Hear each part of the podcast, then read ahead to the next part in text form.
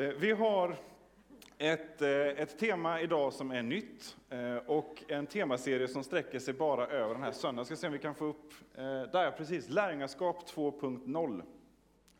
Och det är ett tema som kommer återkomma så här en gång då och då. Och kommer innehålla lite olika saker. Vad är, vad är poängen med det här temat då? Jo, lärjungaskap, alltså att leva som, som kristen. Eh, att leva med tron som, eh, som grund för livet, eh, att leva med, med Jesus som, som förebild och den som leder oss, det är att vara lärjunge, att låta den kristna tron få, få verkningar i, i hela livet. 2.0 är är sånt där språk man använder i tekniken för en uppgradering, en ny en uppgradering av en, en programvara till exempel. Och eh, poängen är inte här att starta en ny kristendom eller en ny religion, men att få upp ögonen för att ibland så behöver vi ta nya steg som lärjungar, ta nya steg som, som kyrka. Och då vill vi göra det vid lite olika tillfällen och ta fasta på sånt som är eh, aktuella utmaningar eh, för oss som kristna. Och nu har vi det här temat idag eh, med utgångspunkt från helgen här som vi redan hört mycket om Eh, och se vad, eh, vad, behöver vi, eh, vad behöver vi göra, vad behöver vi få syn på som, som lärjungar. Hur många här inne har en smartphone eller tillgång till internet hemma? Det är de flesta av oss.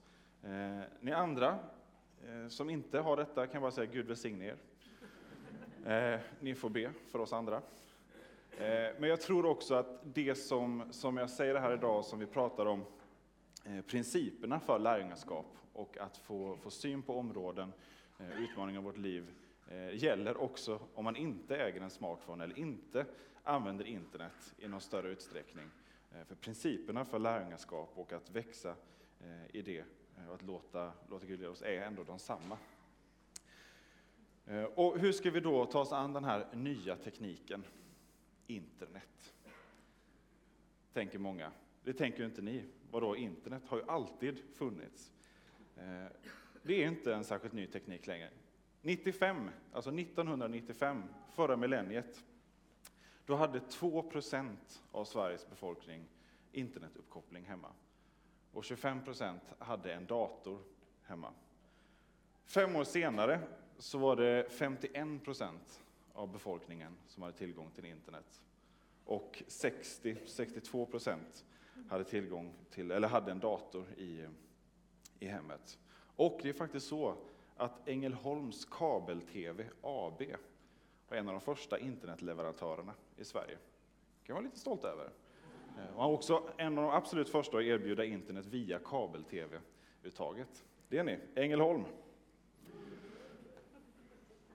Så eh, internet, det, eh, det har inte alltid funnits, men det har funnits, eh, funnits länge. För en del av oss så är, känns det fortfarande som, som någonting nytt. Eh, för några andra av oss så är det en självklarhet. Eh, har alltid funnits. Och i början när, eh, eh när nu får vi liksom en liten historiebeskrivning här. När, när internet kom så var det Eh, någonting eh, fantastiskt som höll på att hända. Eh, det var så det lanserades. Här kommer någonting som kommer förändra hela världen och som kommer få eh, lika stor påverkan eh, på världen som när boktryckningen kom igång och den tekniken. Och det här kommer leda till ett bättre samhälle därför att det kommer bli mer jämställt. Alla kommer ha tillgång till samma information. Vi kommer kunna ha direkt demokrati och eh, eh, det kommer bli eh, bättre. Det kommer få större utlopp för Eh, kreativitet, full frihet eh, och tillgång till all sorts information.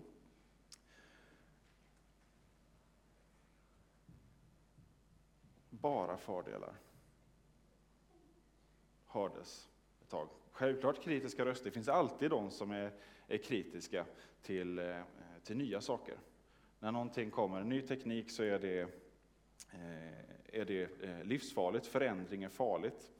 Eh, men överlag så är det ju fördelarna som har lyfts fram. Och så skulle jag säga att det också är idag. när vi finns här 20-25 år senare. Och de flesta av oss använder ju internet dagligen och har stor nytta av det, stor glädje av det. Och Eh, en del är lite sena att haka på. Jag har en ständig diskussion med min kollega Mange om att han borde slopa den här analoga kalendern som man glömmer överallt och tappar bort.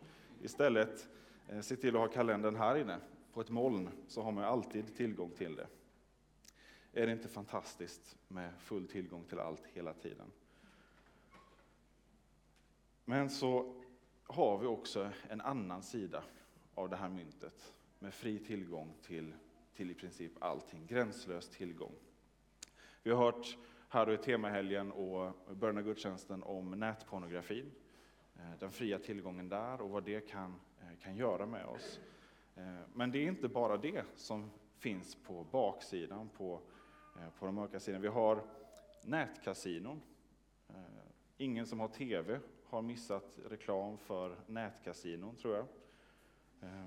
Och en reklam, vanlig kort reklampaus mitt i ett program så, eh, så räknade jag till varannan reklamsnutt av 13 reklamsnuttar var om nätkasinon.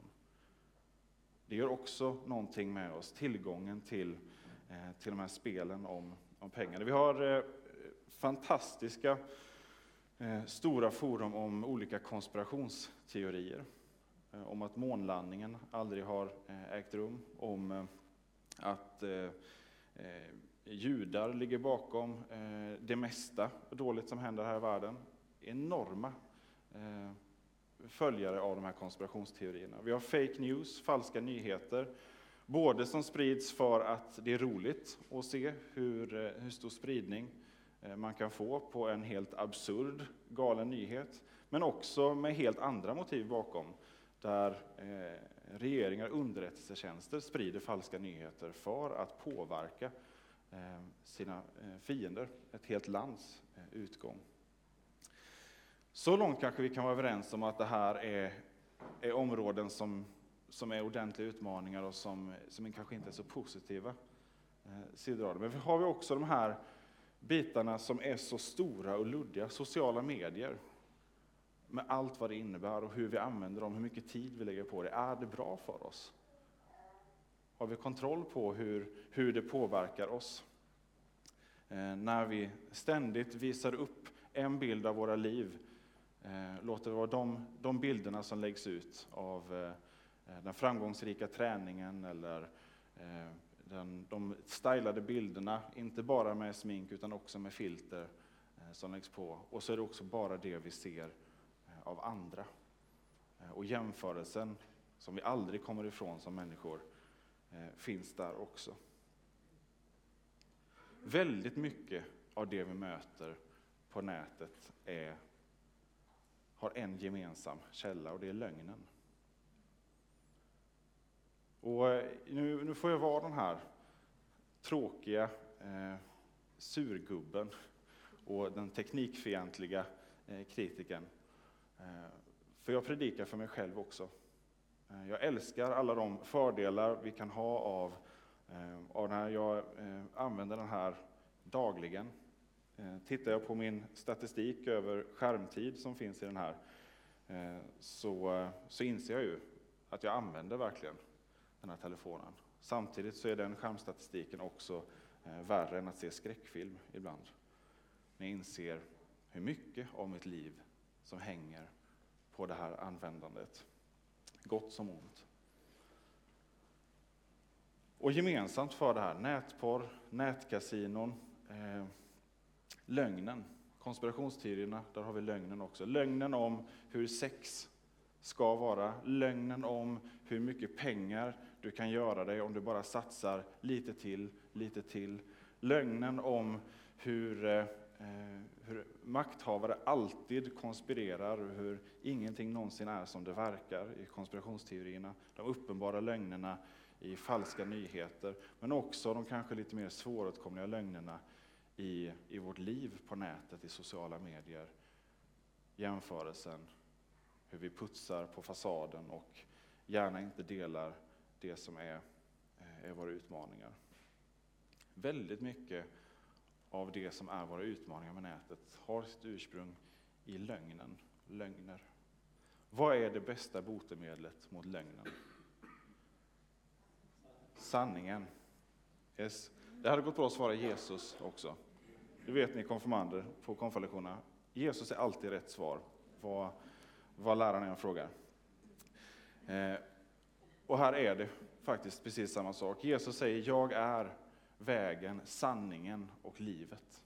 Så Jesus identifierar sig själv, sin egen person med sanningen. Det finns ingen person som är mer sann än han. Hos honom finns ingen lögn. Han säger också så här i Johannesevangeliet kapitel 8 eh, och vers 31 eh, och framåt. Nu ska vi se så att jag får fram Johannesevangeliet också. Så jag läser från rätt kapitel 8. Till de judar som trodde på honom sa Jesus, om ni förblir i mitt ord är ni verkligen mina lärjungar. Ni ska lära känna sanningen och sanningen ska göra er fria. De sa, vi härstammar från Abraham och har aldrig varit slavar under någon. Vad menar du då med att vi ska bli fria? Jesus svarade, sannerligen, jag säger er, var och en som syndar är slav under synden. Slaven stannar inte i huset för alltid, men sonen stannar för alltid. Om nu sonen befriar er blir ni verkligen fria. Och när Jesus talar om sonen så talar han om sig själv som Guds son. Att vi kan vara under ett slaveri även ifall vi inte ser det. Vägen ut ur det slaveriet är att få möta sonen, att få, få möta Jesus själv. För allting, allting vi gör, det kostar någonting. Vi tänker att vi har eh, fri tillgång till så mycket gratis på nätet. Men allting kostar. Inte bara de här uppenbara kostnaderna som kommer av att fastna i ett missbruk till exempel, vare sig det är porrmissbruket eller eh, spelmissbruk eh, eller shoppingmissbruk.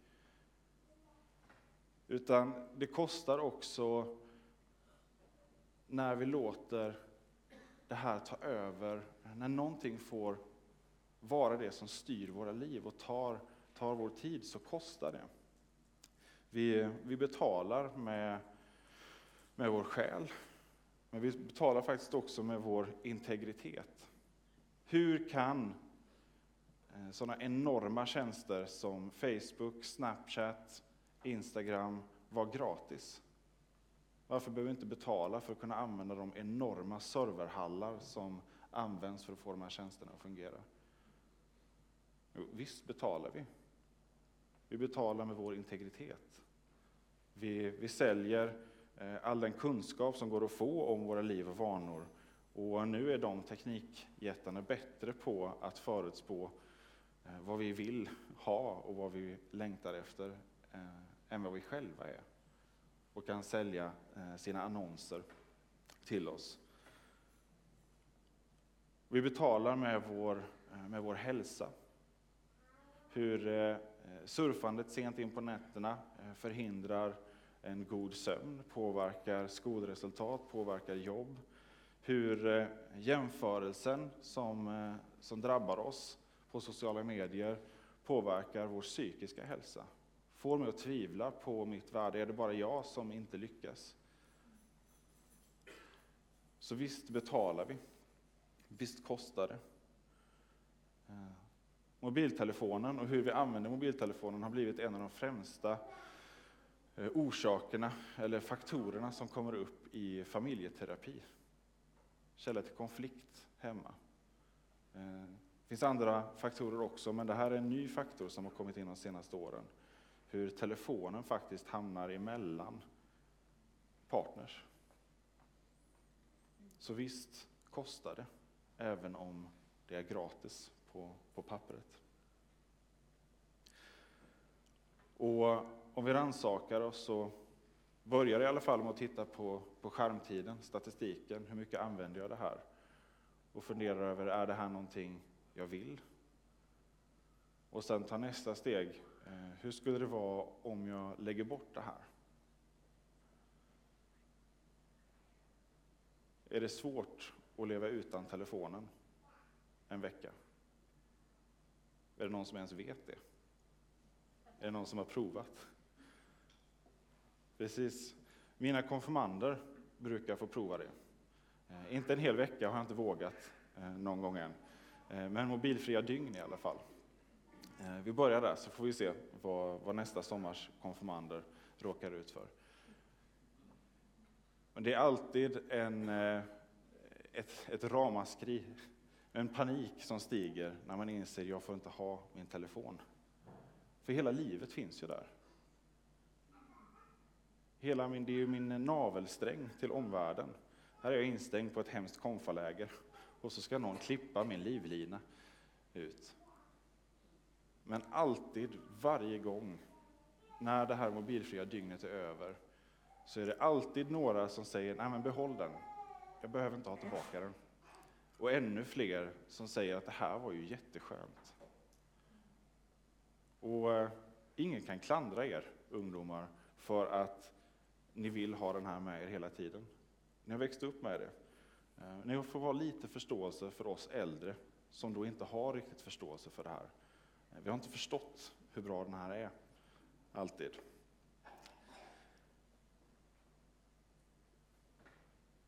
Och låt oss hjälpa varandra där och inse vad, både vad som finns för, för utmaningar och frestelser med den här, men också eh, att det finns möjligheter att få förändra sina vanor och komma ur det här. Det finns en, eh, en serie som går på SVT nu som heter Din hjärna. Som bland annat tar upp det här och de låter en familj vara mobilfri en vecka. Och de första dagarna inte eh, är så lätta att veta vad man ska göra av all tid som uppstod när, eh, när internetuppkopplingen försvann. Men efter en vecka så är också deras omdömen, från yngsta barnet till föräldrarna, att det här var ju jättebra. Vi har fått tillbaka vår familj. Barnet säger att vi har fått tillbaka föräldrarna. Så det här, låt ingen anklaga er för att det är ett ungdomsproblem med telefonerna. För det är ett, ett mänskligt problem. Det här är en, en utmaning för oss allihop. Inte minst för föräldrar. Men det innebär ju att i så fall är det också en kostnad på andra hållet. För om vi identifierar vårt användande som ett problem, ja, det innebär det också en kostnad att göra upp den här.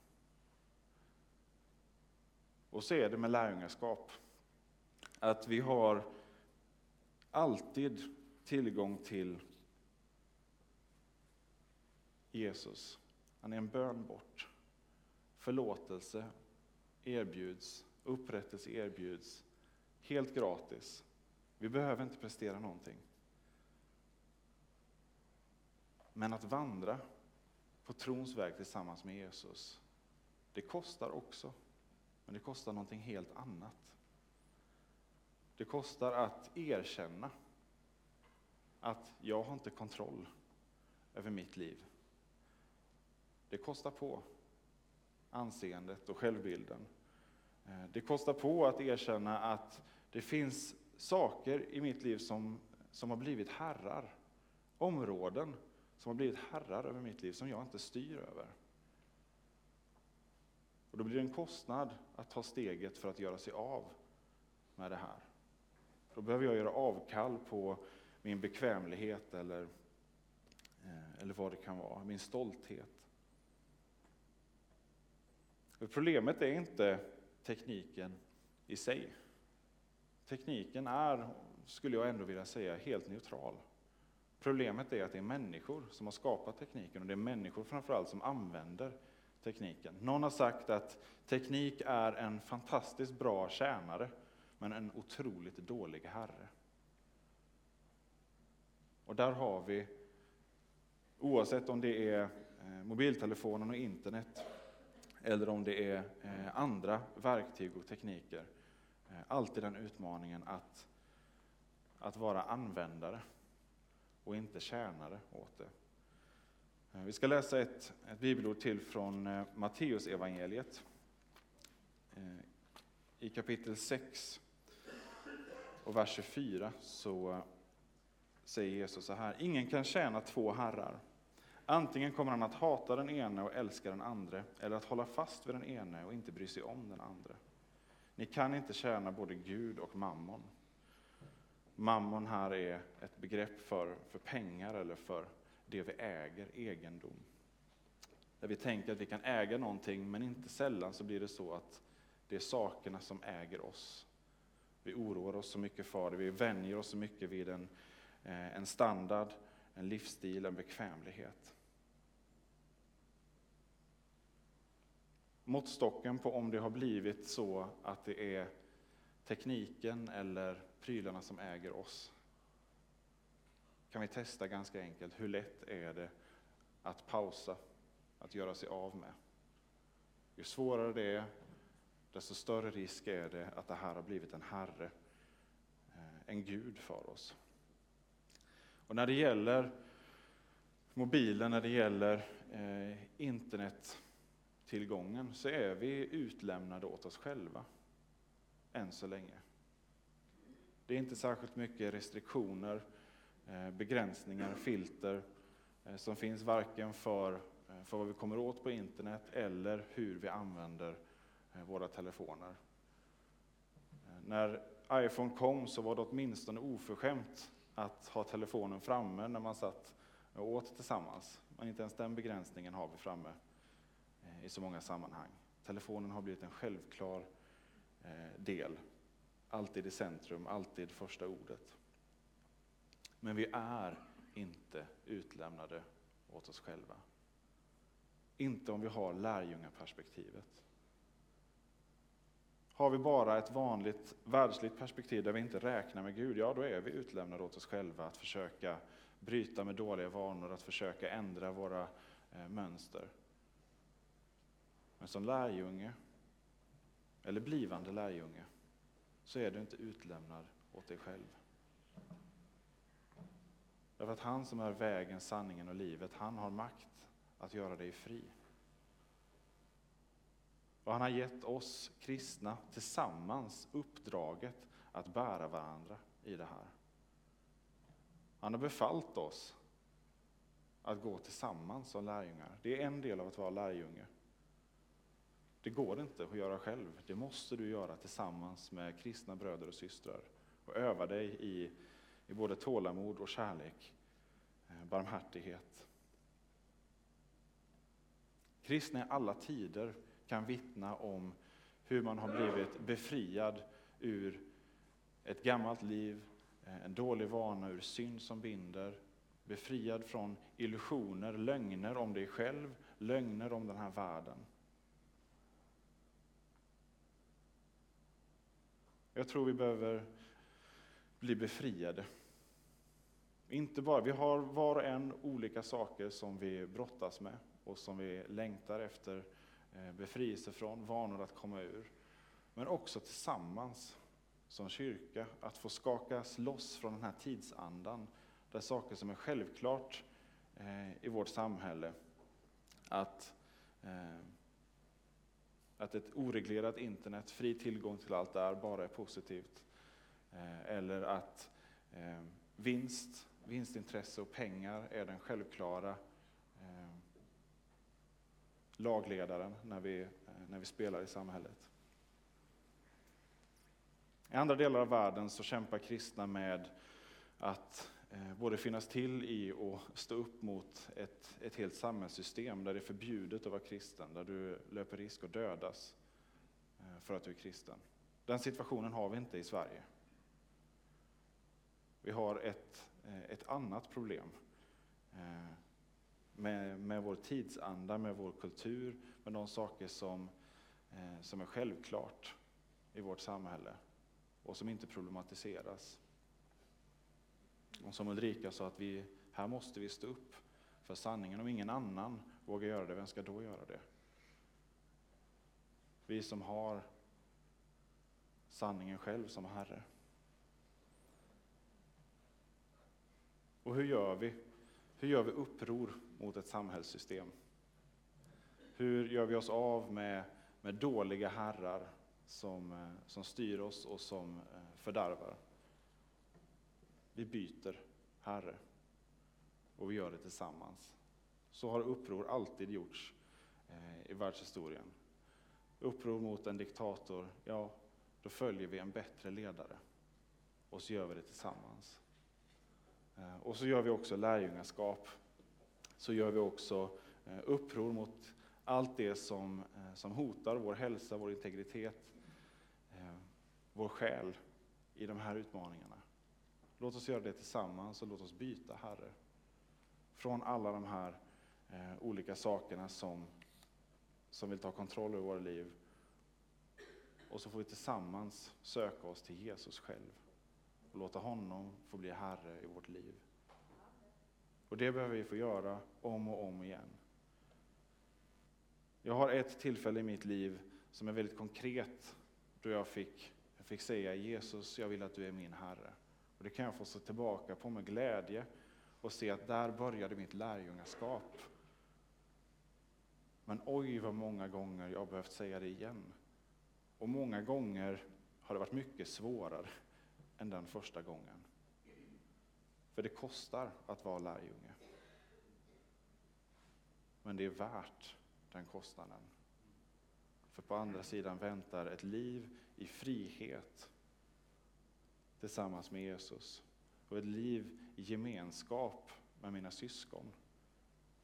Er bröder och systrar. Där jag får bäras av er och där jag får vara med och bära er.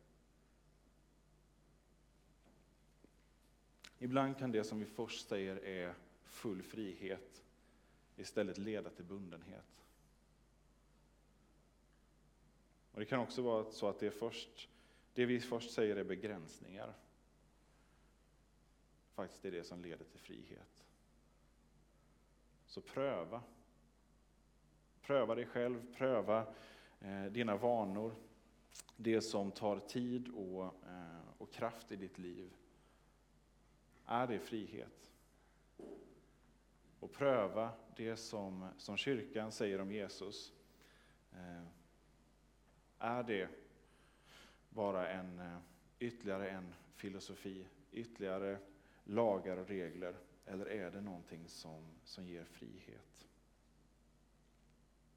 Jag är beredd att offra min själ, min integritet och min hälsa för full frihet på, på internet, full bekvämlighet i vardagen? Eller är jag beredd att offra något av min bekvämlighet, något av min frihet för att istället få, få ha en hel själ, integritet, en hälsa och ett fritt liv som Jesu lärjunge? Låt oss be. Tack Fader för att du kallar oss till dig och för att du bjuder in var och en av oss att få, få kalla dig eh, pappa.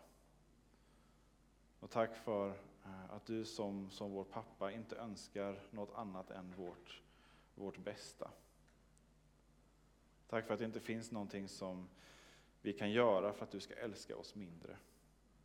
Det finns inget som, du, som vi kan göra för att du ska älska oss eh, mer. Jag ber att du eh, ger oss eh, kraft och öppnar våra ögon att se vad, eh, vad det är som, som tydligt styr och influerar våra liv när det kommer till nätet och, och telefonen särskilt, men också på andra områden. Vad är det som, som vi behöver göra upp med? Tack Jesus för att det finns frihet hos dig. Tack för att det finns frihet i att få dela Eh, den här kampen med andra. Tack för att du berör oss eh, när vi kommer till dig och för att du använder eh, din kropp för att bära och betjäna människor. Gör oss frimodiga och låt oss få möta ett liv i frihet med helande och upprättelse i dig. I Jesu namn. Amen.